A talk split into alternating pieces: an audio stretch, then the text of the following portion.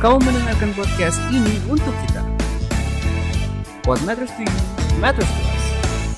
Halo rekan, uh, selamat datang di podcast ini untuk kita. Podcast ini uh, membahas tentang perencanaan keuangan, investasi, kebijakan pengelolaan pembiayaan dan risiko, serta segala sesuatu yang berhubungan dengan anak muda. Nah, pada episode kali ini kita akan membahas topik yang sangat menarik tentang utang pemerintah. Jadi, ada utang, ada pinjaman. Apa sih bedanya? Apa aja manfaat pinjaman pemerintah bagi masyarakat? Nah, sebelum kita memulai podcast ini, perkenalkan, saya Wawan, dan kita akan membahas topik pinjaman ini bersama narasumber yang tentu sangat kredibel. Beliau adalah Direktur Pinjaman dan Hibah saat ini yaitu Bapak Syurkani Isyak Kasim.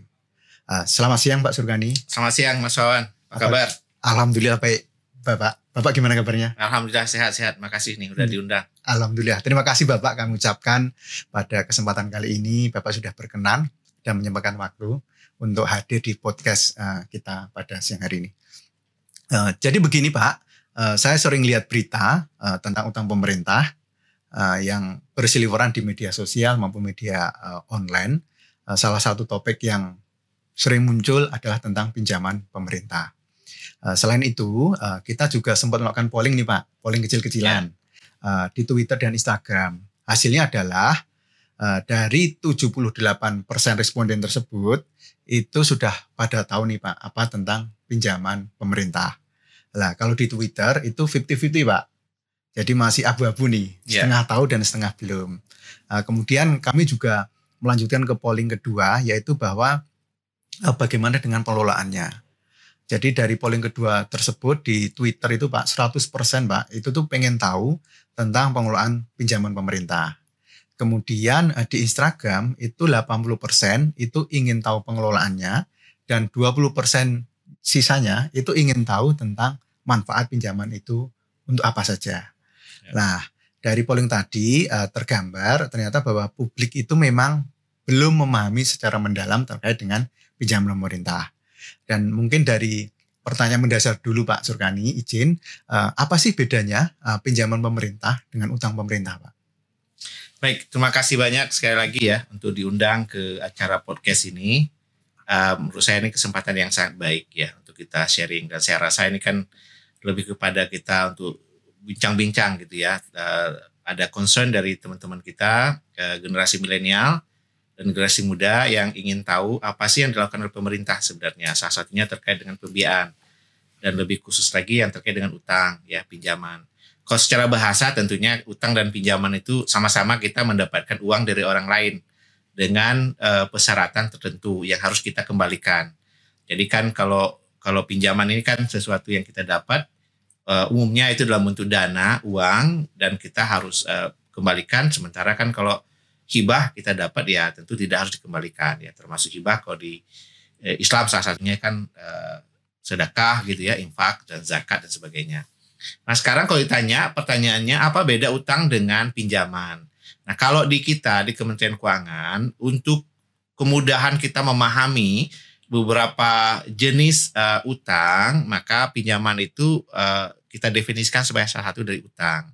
Prinsipnya utang ini adalah uh, uang yang pemerintah dapatkan dari pihak ketiga dalam rangka memenuhi kebutuhan pembiayaan.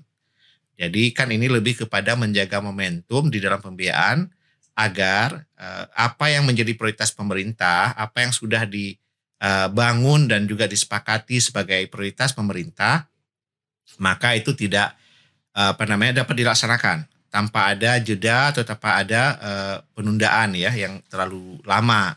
Sehingga kadang-kadang uh, kita butuh dana sekarang tetapi tersedianya tahun depan maka kita gunakan itu untuk berutang. Nah, uh, sementara pinjaman ini memang uh, lebih kepada transaksi langsung dengan pemberi pinjamannya dalam bentuk ada dua jenis pinjaman. Pertama pinjaman project yang itu membangun infrastruktur fisik gitu ya, yang digunakan untuk membiayai kegiatan tertentu. Sementara ada pinjaman program pinjaman tunai kalau kita sering pakai itu lebih kepada uh, pembiayaan yang untuk mendukung APBN, kekurangan APBN. Secara prinsip sebenarnya nggak terlalu beda, hanya kita istilahkan beda supaya lebih mudah uh, masyarakat memahami uh, bahwa pinjaman itu bagian dari utang. Gitu. Walaupun uh, kita juga tidak bisa uh, menafikan pemahaman yang sebagian masyarakat setiap mereka bicara utang yang ada di pikirannya tentu pinjaman yang dimaksud. Yeah. Artinya ya pinjaman dari sumber tertentu gitu ya. Uh, dan mungkin ada yang tidak mengasosiasikan sama sekali dengan bentuk uh, utang yang lain seperti surat berharga negara gitu seperti itu. Oke Pak, jadi tadi Bapak menyinggung, uh, menyinggung juga bahwa pinjaman itu dari pihak ketiga ya Pak ya. Hmm. Dari berarti ini pihak eksternal Pak ya. Pihak eksternal. Nah, ini siapa saja nih para pihaknya nih Pak? Para pihaknya itu kalau pinjaman khususnya pinjaman ya itu bisa dari uh, yang jelas pasti dari luar hmm. pemerintah. Bisa dari uh, lembaga keuangan internasional ya contohnya lembaga World Bank gitu ya, Bank Dunia dan Bank Dunia juga ada grup-grupnya. Kemudian ya uh, kemudian ada Bank Pembangunan Asia, kemudian ada Bank Pembangunan Islam, kemudian ada Dana Moneter Internasional atau yang kita kenal dengan IMF, dan juga ada banyak lembaga-lembaga keuangan internasional lainnya. Juga pemerintah Indonesia kan membangun kerjasama dengan negara lain hmm. yang kita sebut dengan kerjasama bilateral. Salah satu dari manfaat kerjasama bilateral itu adalah kita mendapatkan pendanaan. Hmm. Nah kemudian juga ada beberapa kegiatan tertentu yang dibiayai lewat uh, pembiayaan sektor swasta. Nah, ini akan berbeda dengan misalkan uh, kita cerita tentang KPBU ya atau PPP yang itu kan tentu akan uh, joint operation antara swasta dengan pemerintah. Kalau ini memang uh, ada uh, pembiayaan yang bersumber dari uh, apa namanya perbankan atau lembaga keuangan swasta uh, untuk kegiatan tertentu biasanya untuk pembelian pembelian alat atau barang karena memang itu kita butuhkan uh, salah satunya untuk mendukung pembangunan atau untuk uh, keperluan uh, memberikan apa namanya pemenuhan kecukupan untuk uh, pertahanan ataupun kepolisian itu biasanya kita mengadakan uh, alat gitu alat, ya. Okay. Yeah, jadi memang ini cukup kompleks juga Pak ya. Eh, ya, terkait dengan ya, pinjaman ini. Okay. Gitu. Kemudian ini Pak uh, terkait dengan penjelasan Bapak tadi sebenarnya kita juga sempat uh, membuat beberapa pertanyaan ini Pak dari uh, follower kita yang di Instagram nih di uh, akunnya di CPPR. Uh, yang pertama adalah terkait dengan ini Pak uh, tadi ada hubungan bilateral. Sebenarnya benar nggak sih Pak bahwa pinjaman itu hanya dari satu negara saja? Uh, itu pertanyaan nomor satu Pak J. Yeah. kemudian yang kedua itu adalah apakah kalau pinjaman itu hanya dari satu negara, uh, Indonesia negara kita tuh seolah-olah menjadi negara yang tanda kutip Pak ya nih, seolah-olah disetir atau disubordinasi. Sebenarnya benar nggak sih Pak ini dengan kondisi itu dengan maksudnya dengan asumsi atau dengan yeah dugaan dari para netizen tercinta kita ini, Pak? Sebelum saya menjawab pertanyaan Mas Wawan tadi, hmm. mungkin uh, saya ingin juga uh, sampaikan begini ya. Mungkin banyak dari kita tidak memahami bahwa Indonesia itu negara yang uh, pertumbuhan perekonomian itu sangat tinggi. Konsekuensi atau dampak dari pertumbuhan ekonomi yang tinggi adalah uh, kemajuan secara ekonomi juga makin jadi lebih lebih tinggi. Dan ini memberikan keyakinan kepada banyak pihak dalam hal ini negara-negara lain, baik tetangga dekat maupun tetangga jauh, negara maju, negara berkembang, melihat Indonesia itu sebagai negara yang dapat dipercaya. Kenapa? Karena kita berhasil mengolah perekonomian kita. Apa bukti kita bisa mengolah perekonomian? Pertumbuhan ekonomi kita tinggi, inflasi kita relatif uh, lebih rendah dibanding dengan banyak negara lain, nilai tukar kita uh, cukup stabil gitu ya. Banyak faktor ekonomi atau kriteria lain yang uh, menunjukkan bahwa ekonomi Indonesia cukup baik. Nah, sebagai ekonomi yang pertumbuhannya cukup baik ya dengan governance kita yang cukup baik juga memberikan keyakinan kepada pihak lain untuk memberikan pinjaman. Dari konteks itu saja kita bisa bilang bahwa Indonesia cukup seksi hmm. gitu. Sebagai negara bagi yang yang negara ini tertarik untuk bekerja sama. Jadi uh, tadi kalau ada pemahaman bahwa kita hanya minjam dari satu negara tertentu itu sangat tidak uh, benar gitu. Karena uh, sampai saat ini kita bekerja sama dengan banyak negara eh, baik itu negara di eh, benua lain, Eropa, Amerika, bahkan negara-negara di Asia, bahkan negara-negara yang di eh, wilayah Timur Tengah gitu. Dan eh, bentuk kerjasama macam-macam, termasuk misalkan memberikan pembiayaan. Hmm. Jadi eh, menurut saya ya sekali lagi kalau misalkan kita didikti nggak mungkin rasanya. Hmm. Kenapa? Karena saya juga punya pengalaman bekerja sebagai apa staf di lembaga internasional itu keputusannya itu ada di Indonesia jadi apa yang menjadi kebutuhan kita? Katakanlah kita saya ingin membangun jalan tol, itu Indonesia memutuskan. Kemudian nanti pihak luar akan melihat, oh, saya ingin membantu Indonesia membangun jalan tol. maka mereka akan menawarkan pembiayaan. Kemudian terserah kita untuk memilih apakah kita akan memilih negara itu atau kita pilih negara lain. Sama juga dengan lembaga internasional. Tidak ada lembaga internasional yang mendominasi pembiayaan di Indonesia. Kita ada Bank Dunia, kita ada ADB, kita ada IDB, ada IFAD yang lembaga pembangunan pertanian, bahkan ada lembaga-lembaga lain yang membantu kita termasuk AIB, kemudian AIF, itu semua ingin membantu Indonesia. Jadi kita punya cukup ruang untuk memilih dengan siapa kita ingin bekerja sama, dari siapa kita ingin mendapatkan pembiayaan. Jadi menarik sekali Pak ya. Jadi pertama tadi itu kepercayaan. Ya. Itu wajib Pak ya. Kalau nggak dipercaya kan kita aja kalau di Iya. dengan teman nggak dipercaya mau Karena ini kan masalah Ya, uang nih. uang, betul, ya, Pak. Masalah uang Oke. itu kan kalau kalau di dalam dunia eh, Hmm. eh, keuangan ya Iya. atau dunia perbankan, trust itu nomor satu. nomor satu betul. Ya trust nomor satu, kemudian modal dan lain-lain nomor sekian. Nomor Karena kalau Iya. tidak ada trust ya, saya nggak bisa kasih kredit ke Mas Wawan. Kalau Iya. saya seorang banking Iya. atau banker ya, Mas Wawan mendapatkan kredit, saya akan assess dulu. Ini Iya. trustworthy-nya gimana nih, Mas Wawan? Ya walaupun Mas Wawan nggak punya eh, apa namanya itu semacam apa disebut itu kolateral gitu ya. Eh, kalau bahasa Indonesia kita apa sebut Jaminan eh, ya. borok ya, Iya. Ah, semacam itu. Maka saya nggak akan mau memberikan, karena saya tahu nggak akan dikembalikan Iya. gitu ya. Nah itu makanya trust menjadi sangat penting. Oke. Oke, kemudian selanjutnya Pak, ini kan tadi kan banyak pilihan Pak ya. Lalu Hmm. bagaimana nih eh, dari sisi eh, pemerintah ketika memilih pemberi pinjaman misalkan nih satu proyek eh, kenapa misalnya satu proyek misalkan tentang kereta api atau apa itu dibiayai oleh eh, negara A atau negara B atau, atau mungkin satu eh, sebuah mungkin jalan tol mungkin dibiayai oleh misalkan oleh eh, Tiongkok atau negara lain lah misalkan gitu. Iya. Nah, itu bagaimana sih Pak cara memilih kriteria atau ininya? membangun satu proyek idealnya itu kan eh, tentunya eh, dapat dilakukan oleh pihak swasta ya kan karena kapasitas pemerintah kan terbatas ya Betul. dan harapannya kalau idealnya ya kalau sesuatu segala sesuatu secara kriteria ekonomi itu terpenuhi maka idealnya pemerintah itu hanya menjadi eh, semacam pengawas lah. Gitu ya fungsi pemerintah ya. Menguasai pembangunan tentunya mem- membuat kebijakan kemudian menguasai pelaksanaannya. Dan pelakunya itu harusnya dari masyarakat. Cuma kadang-kadang kan ada kondisi tertentu di mana terutama kalau untuk proyek infrastruktur yang kadang-kadang itu mungkin kriterianya belum terpenuhi. Misalkan jaraknya cukup jauh gitu. Ya kan membangun satu jembatan yang itu berada di luar Pulau Jawa gitu yang mungkin swasta tidak tertarik. Atau karena terlalu besar modal yang dibutuhkan gitu ya eh, biaya yang dibutuhkan. Dan tentunya karena swasta tidak mampu maka dicoba dengan tadi sistem KPBU ya kerjasama eh, swasta dengan pemerintah.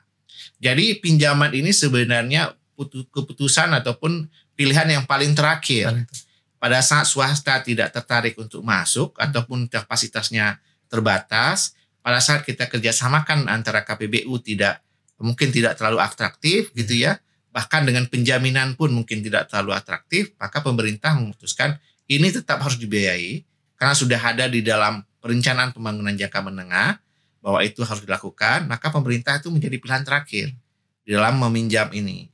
Nah, bagaimana kriteria kita memilih pinjaman? Tentunya kan ada kriteria yang diatur oleh eh, peraturan pemerintah. Kalau di saat ini kita menggunakan peraturan pemerintah nomor 10 2011 dan peraturan turunannya ada PMK, itu ada Perpres, ada peraturan menteri yang lain. Yang kita lakukan tentunya adalah pertama apakah pembiayaan yang diberikan itu eh, dia ada conditionality apa tidak. Istilahnya ini eh, ya tadi itu bahasa ini kira-kira yang kasih pembiayaan ini kayaknya mau ngatur kita apa tidak. Hmm. Itu yang paling eh, besar kriteria. Kemudian yang kedua, apakah lembaga itu punya pengalaman enggak mengelola pembiayaan itu? Kadang-kadang ada lembaga punya uangnya, Hmm. tetapi mungkin kalau untuk bangun infrastruktur mungkin dia belum eh, tidak punya expert yang bisa membantu Hmm. kita.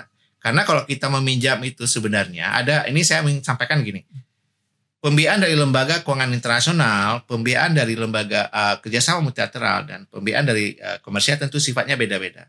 Kalau yang komersial ini kan mereka yang penting udah Anda meminjam saya dan kembalikan dengan sekian eh, return, mereka juga cukup happy gitu. Kalau kerjasama bilateral, mereka mungkin ingin memberikan lebih kepada sebagai eh, neighboring countries ya sebagai bentuk kerjasama. Kalau lembaga multilateral ini tentunya mereka datang dengan eh, membawa ahli-ahlinya. Nah, biasanya kita akan lihat ini kita butuh misalkan kita ingin membangun sektor kesehatan. Tentu kita ingin agar uh, pembiayaan yang yang diberikan kepada kita juga dengan ada komponen hibah dan tentunya ada komponen ahli yang akan memberikan seperti ini Anda akan melakukannya. Jadi tidak sekedar hanya membangun. Nah, kemudian juga kita akan assess ini pricingnya seperti apa. Memang bagi pemerintah uh, ini yang membuat pemerintah agak berbeda dengan swasta dalam hal pricing, yang paling penting bagi pemerintah itulah kepastian. Karena APBN kita kan nggak bisa bergerak naik turun. Begitu udah setujuin ya udah kita kan bergerak di koridor itu. Sehingga eh, apa namanya yang terkait dengan pembiayaan itu paling penting agar ada kepastian. Dan biasanya lembaga multilateral memberikan pricing yang cukup kompetitif. Hmm. Tapi jangan lupa di sisi lain mereka juga punya keterbatasan.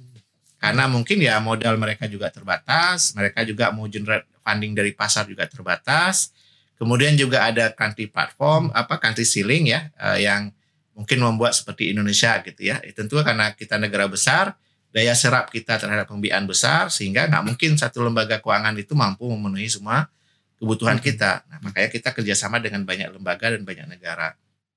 Dalam hal ini tentunya kriteria-kriteria yang kita bangun itu adalah sudah dengan sudah teruji. Hmm.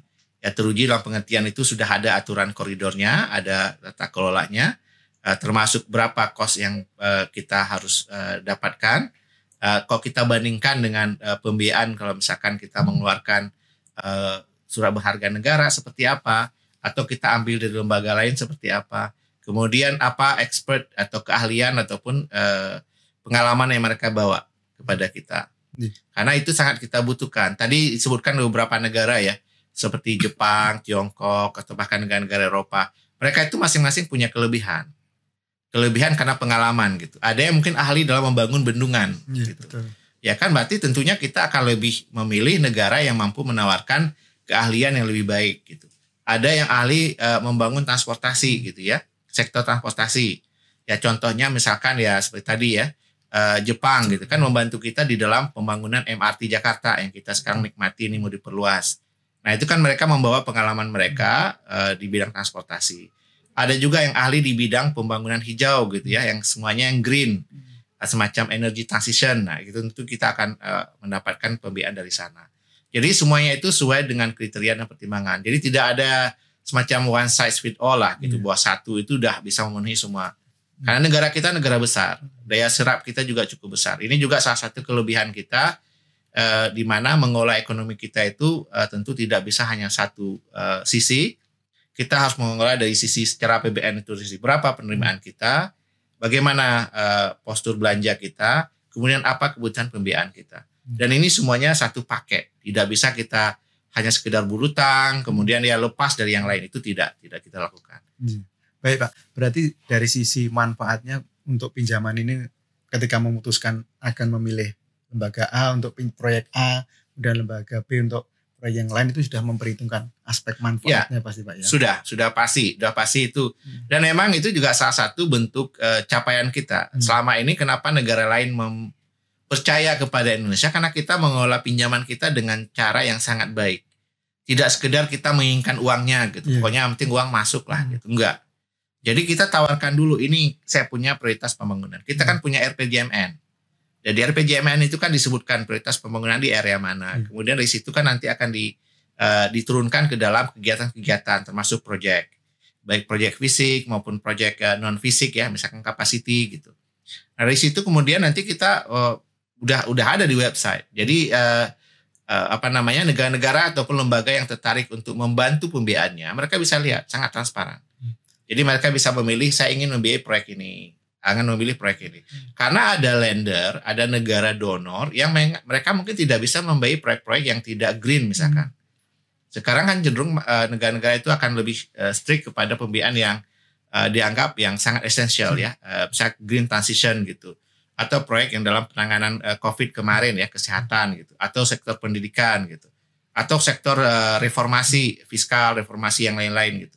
Jadi negara-negara itu juga punya preferensi dan mereka bisa memilih Nah, kemudian mereka menawarkan ke kita atau kita yang akan uh, menawarkan kepada mereka itu. Jadi salah either way kita bisa lakukan. Oke, berarti dari sisi manfaat itu sebenarnya bisa kita ukur Pak ya. Artinya kalau bisa kita, sangat. Ini biasanya pakai apa ini Pak? Ini mengukurnya Kualitatif, kuantitatif atau Uh, dua-duanya. dua-duanya? Ya, karena memang pembangunan ini kan tidak berlangsung satu hari, gitu Betul. ya. Jadi kalau kita bicara pembangunan itu kan tentu ada proses persiapan, Iya. Asa ada proses pembangunan fisik, kemudian dari fisik kemudian dimanfaatkan, Betul. dari dimanfaatkan baru terlihat nanti. Ya, jadi mereka akan ada input output gitu ya, sama nanti outcome gitu ya segala macam.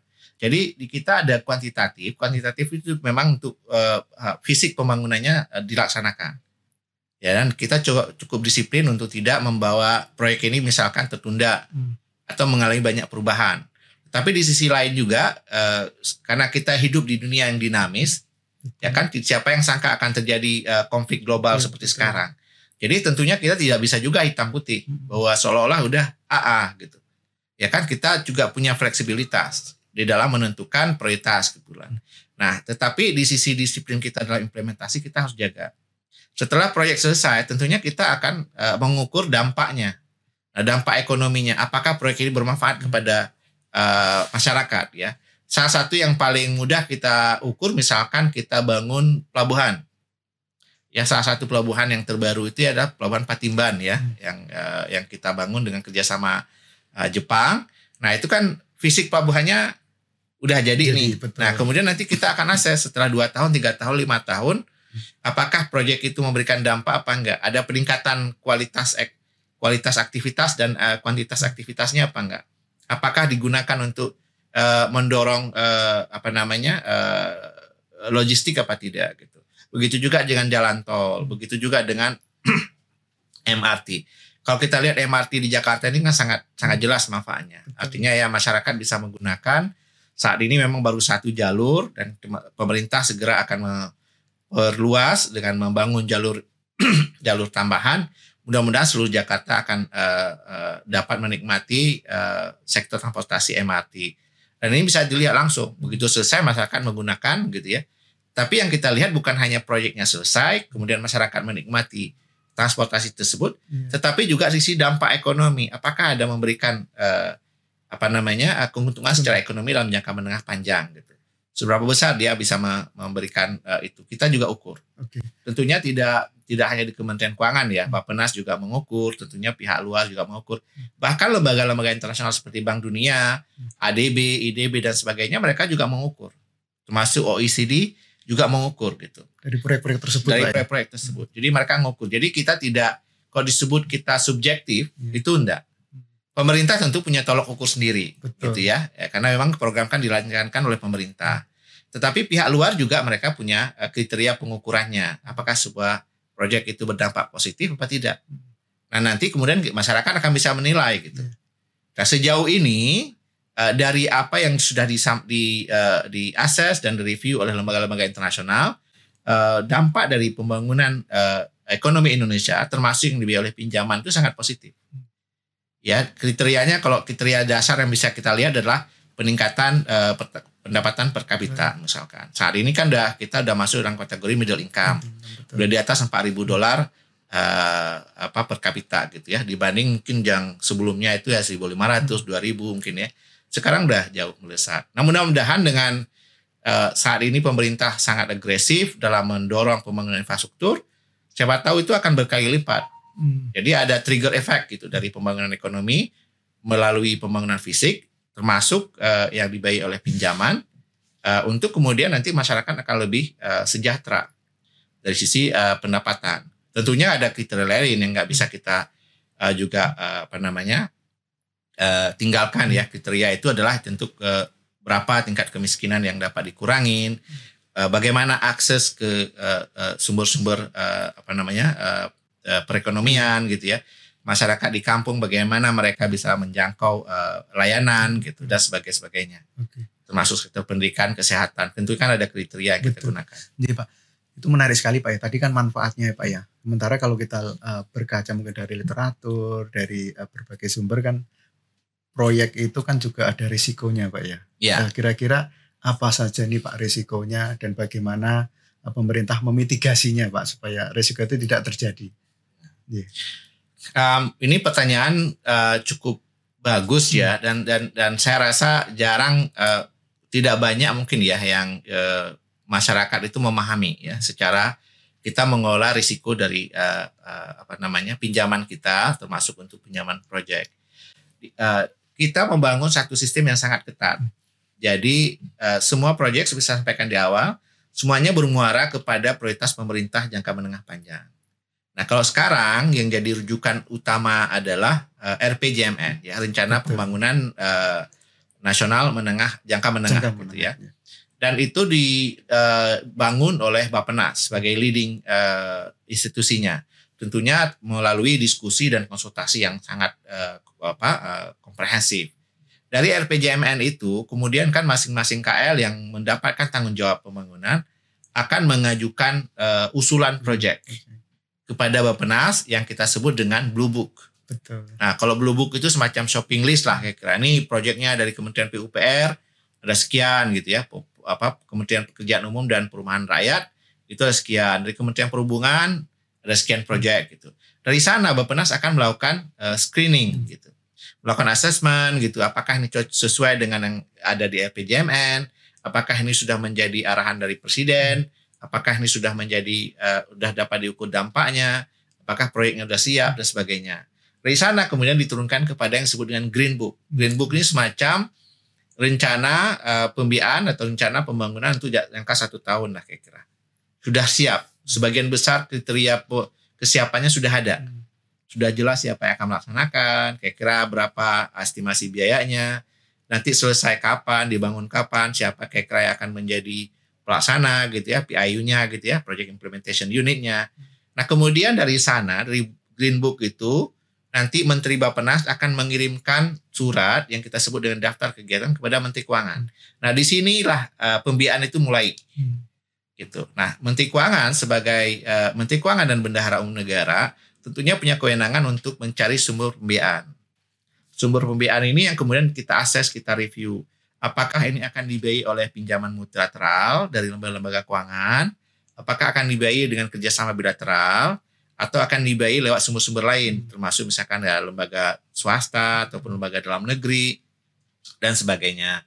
Nah, jadi kita punya apa proses ini cukup cukup panjang. It, itu sendiri sudah menjadi uh, cara kita untuk mendisiplinkan atau bahkan untuk memitigasi uh, semua kemungkinan resiko. Misalkan apakah nih ada proyek yang tidak siap tiba iya, diajukan itu tidak akan lolos gitu. Itu kalau pada proyek lahannya belum siap tentu juga ya misalkan ada proyek gitu ya uh, sama sekali tidak ada kepastian bahwa lahannya akan hmm. selesai tentu tidak akan uh, berikan uh, apa prioritas ke sana hmm. karena memang kan ini salah satu uh, isu yang sangat kritikal ya nah setelah itu selesai kemudian nanti di sisi persiapan kita akan uh, siapkan yang namanya kita sebut dengan uh, uh, tahap persiapan proyek hmm. Tahap persiapan itu sebenarnya dari daftar kegiatan itu sudah ada yeah ada uh, list yang panjang yang kita cek list itu nanti apakah dia memenuhi enggak yang disebut dengan readiness kriterianya. Kriteria kriteria siapan proyek itu kita bangun. Termasuk ya tadi lahan apakah sudah jelas, hmm. apakah KL tersebut punya kapasitas untuk membangun, apakah sudah dialokasi di dalam anggarannya hmm. mereka gitu pas saat proyek dimulai dan sebagainya. Banyak kriteria itu yang kita harus akses dan mereka harus penuhi. Kalau belum maka kita minta untuk dipenuhi dulu. Hmm setelah selesai baru nanti dari Kementerian Keuangan itu berada di agak di ujung. Iya. Karena kita itu kan yang diberikan kewenangan ya, Menteri hmm. Keuangan diberikan kewenangan untuk mencari dari mana sih pembiayaannya, ya. bentuknya apa, hmm. apakah ini harus dibiayai dengan pinjaman bilateral tadi atau harus dibiayai dengan pinjaman program hmm. atau yang sebagainya. Nah, dari sana kemudian baru kita uh, lakukan negosiasi. Tentunya selama proses negosiasi, persiapan-persiapan yang sudah lakukan tetap dilakukan secara paralel. Nah negosiasi nanti baru kita eh, buat ini akan berapa nilai yang hmm. bisa diberikan. Katakanlah misalkan ada proyek nilainya satu triliun, ya kan? Mungkin lembaga A hmm. mampu memberikan 500 miliar, berarti 500 miliar lagi dari mana? Tentu kan akan kerjasama dengan lembaga donor yang lain atau hmm. negara donor yang lain. Nah ini kan juga tentu Kementerian Keuangan akan mencari sumber biaya dan menegosiasikan sampai selesai. Nanti tinggal kementerian yang mengajukan akan melaksanakan begitu pembiayaan sudah ada. Okay. Itu pun tidak berhenti di sana. Di kita juga melakukan evaluasi dan monitoring, monitoring. gitu. Proyeknya Pak Yardia, nah, evaluasi apakah monitoring proyeknya. sama seperti kita hmm. membangun rumah ya. Kalau yeah. kita bandingkan nih, kalau kita membangun rumah Mas nih membangun rumah nih yeah. ya, tentu ada kontraktor. Yeah. Tentu ada uang. Kalau misalkan tabungannya Mas Wawan cukup, tentu hmm. nggak hmm. perlu pinjam ke bank gitu. Uh. Tapi butuh satu miliar, Mas Wan hanya punya uang mungkin 500 juta, Hmm. tentu 500 lagi kan kita pinjam ke bank nih. Iya. Ya boleh pakai sistem syariah, boleh sistem konvensional, nanti kan masa pilihan. Iya.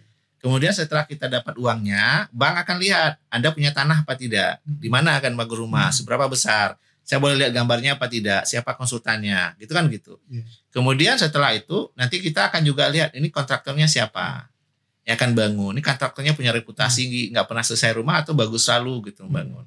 Nah itu kan tentu namanya readiness kriteria. Setelah itu terpenuhi, baru kan uangnya cair. Iya. Dan cair pun menurut termin kesel- penyelesaian Mas- pembangunan, pembangunan, gitu. ya. Tidak akan dikasih di awal langsung 100 500 juta enggak Hmm. gitu. Jadi memang juga kalaupun di pinjaman pemerintah itu juga ininya pencairannya itu juga Iya, memang pencairannya sesuai termin. terminnya Pak Nah. ya. Sudah termin. Karena kan proyek pemerintah itu kan itu tadi ya negara kita kita harus bersyukur nih Indonesia Hmm. kan negara besar. Betul. Dari dari segala kriteria negara kita negara besar. Hmm. Penduduk kita saja itu sangat besar gitu ya. Saya punya pengalaman pergi ke negara yang penduduknya hanya 1700. Ada Pak ya gitu ya? ada Hmm, di Pasifik Di gitu. Pasifik ya. Penduduknya 1700 itu negara berdaulat gitu. Ya kayak kampung lah. Begitu saya masuk itu semua orang saling kenal gitu. Iya. Ya, kemudian ada negara yang saya pernah pergi itu penduduknya 17 ribu, Iya. bahkan ada yang 8 ribu, ada yang 100 ribu Hmm. penduduk. Jadi cukup kecil secara size. Tapi kita kan 270 juta. Betul. Kemudian saya tahu ada negara yang itu sangat kecil gitu ya. Sangat kecil tuh contoh kayak Monaco misalkan. Iya. Atau bahkan tetangga kita yang Singapura gitu. Iya. Istilahnya kita naik motor aja gitu ya, nggak usah naik mobil lah, naik motor aja mungkin berapa jam udah udah sampai Sampai dari ujungnya Pak ya. ujung ke ujung gitu. Tapi kan Indonesia nggak mungkin Iya. ya kan saking Hmm. luasnya di negara kita gitu ya baik di sisi geografi maupun demografinya Hmm. Dan secara size ekonomi ukuran ekonomi negara kita juga termasuk 20 terbesar di dunia Iya. dan ini kenapa kita juga sangat dihargai di dalam eh, pergaulan global Hmm. eh, terutama kayak negara G20 ya Iya. itu sangat menghargai Indonesia dan kita kan berhasil nih Iya. menjadi tuan rumah nah kita kita itu sebenarnya itu membuat bahwa pembiayaan kita pun juga untuk pembangunan besar Oke. jadi kalau misalkan eh, ada impresi ya, ada eh, persepsi bahwa kenapa Indonesia itu memiliki utang cukup besar, seharusnya jangan dilihat nominalnya. Iya. Ya angka 7.700 itu kan nominalnya, Hmm. tapi lihat PDB-nya.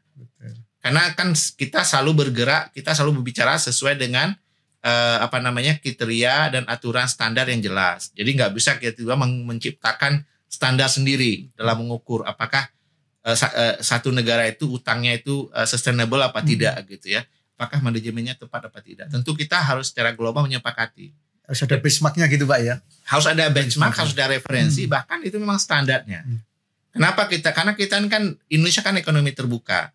Kita bahagian dari eh, penduduk dunia, ekonomi global. Iya. Kita ekspor dan impor. Kita juga banyak mengimpor dari negara lain untuk kebutuhan Hmm. dalam negeri. Tapi kita juga mengekspor untuk men- eh, menambah eh, devisa kan. Nah, jadi kita juga nggak bisa membuat kriteria sendiri. Tapi di sisi lain kita tuh punya banyak Hmm. eh, apa hubungan dan kerjasama Dengan- dengan negara lain. Tentunya kita akan sangat baik menggunakan standar yang sama. Jadi nggak Ya. bisa istilahnya kita menutup diri dari dunia Tidak bisa. internasional ya, Jadi ya. jangan sampai misalkan Hmm. eh, sebagian ya kadang-kadang kayak kita mendengar eh, ada mungkin yang membuat eh, tolok ukur sendiri ya. Iya. Eh, ternyata di luar nggak seperti itu. Yang paling mudah lah gitu ya kalau kita eh, ini Eh, absorption capacity daya serap kita itu sangat besar. Hmm. Terlepas itu sumbernya dari pinjaman atau utang ataupun dari rupiah murni ataupun dari kerjasama swasta. Kebutuhan pembangunan kita itu sangat besar gitu ya. Eh, saking besarnya sehingga tidak mampu kita penuhin gitu. Nah dari sana tentunya kita kan berbagai macam sumber yang akan Iya. masuk, baik dari pinjaman maupun sumber-sumber lain. Nah, absorption ini harusnya diukur dari apa yang dihasilkan kemudian dalam bentuk PDB. Hmm. Sekian ribu triliun Iya. yang kita habiskan untuk pembangunan, kemudian hasilnya apa? Nah kita lihat sekarang PDB kita kan udah berapa? Udah billion kan? Udah triliun malah. Betul. Kita udah triliun ekonomi. Nah ini harusnya menjadi eh, kebanggaan bagi kita. Tidak banyak negara yang punya ekonomi sebesar Indonesia gitu sebesar ya. Indonesia. Bahkan untuk ukuran ASEAN Iya. itu nggak ada setengahnya. Seingat saya dari negara-negara ASEAN yang lain tidak ada yang setengahnya Hmm. eh, PDB Indonesia. Betul. Baik Singapura, Thailand, mungkin Malaysia ataupun Filipina gitu. Iya. Nah harusnya kita eh, melihat dari situ. Kita sebagai Iya. negara besar, dia tidak tidak membuat apa eh, ya kayak standar sendirilah Betul. seolah ya saya hanya mau ini ibaratnya ya Iya. kalau kita sekolah itu saya hanya mau belajar satu pelajaran gitu padahal kan ada 10 pelajaran yang kita harus lulus untuk Iya. bisa naik kelas Iya. atau lulus kan Iya. gitu tetapi ternyata eh, enggak enggak, saya hanya suka Hmm. ini ya tentu enggak begitu Jadi ketinggalan Pak ya. iya karena karena kan namanya pemahaman tuh harus harus eh, Iya. lengkap ya Betul. harus lengkap jadi karena memang idealnya eh, negara itu siapa pun tidak berhutang karena Idealnya, utang itu ya. kan kewajiban Iya. gitu ya. Betul. Eh, utang itu kewajiban. Nah, eh, tentunya sedapat mungkin kita tidak punya kewajiban, Hmm. ya kan? Tetapi kan dalam proses pembangunan, tentunya tadi saya sampaikan, kalau kita lihat eh, dari APBN itu kan ada penerimaan, dari pajak, dari penerimaan non pajak gitu kan. Nah, itu kan tentu ada waktunya. Orang bayar pajak kadang-kadang kan di akhir. Kadang-kadang mungkin mereka bayar ya tidak pada saat kita butuhkan Betul. belanjanya. Tentunya kebutuhan belanja yang tidak bisa kita eh, hentikan karena memang momentumnya dan eh, kebutuhannya memang harus segera, tentunya dipenuhi dari pembiayaan. Jadi itu lebih kepada untuk menjaga ya kalau kalau orang eh, apa Inggris bilang itu maintaining the momentum gitu Iya, ya of betul. development. Jadi kita menjaga eh, momentum pembangunan itu supaya tidak tidak tidak tertinggal. Hmm. Karena misalkan ada satu project, kalau misalkan nilainya itu satu triliun, tiba-tiba kita tunda, Iya. ongkosnya bisa jadi dua setengah triliun, bisa jadi tiga triliun setelah sekian tahun. Karena inflasi dan Karena Pak, inflasi, ya. karena segala macam barang. Jadi bagaimana kita tetap saat dibutuhkan kita bisa langsung bangun. Oke. Nah ini di mana di sinilah kita melakukan pengelolaan tadi pembiayaan ya, eh, dan termasuk pinjaman. Apakah benar nih Pak bahwa generasi muda saat ini tuh akan menanggung utang pemerintah?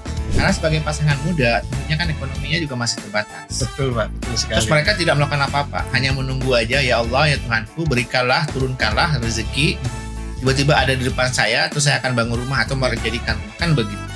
Wah Indonesia itu is a bright spot. Ini artinya a bright spot itu di antara kegelapan dunia saat ini Iya.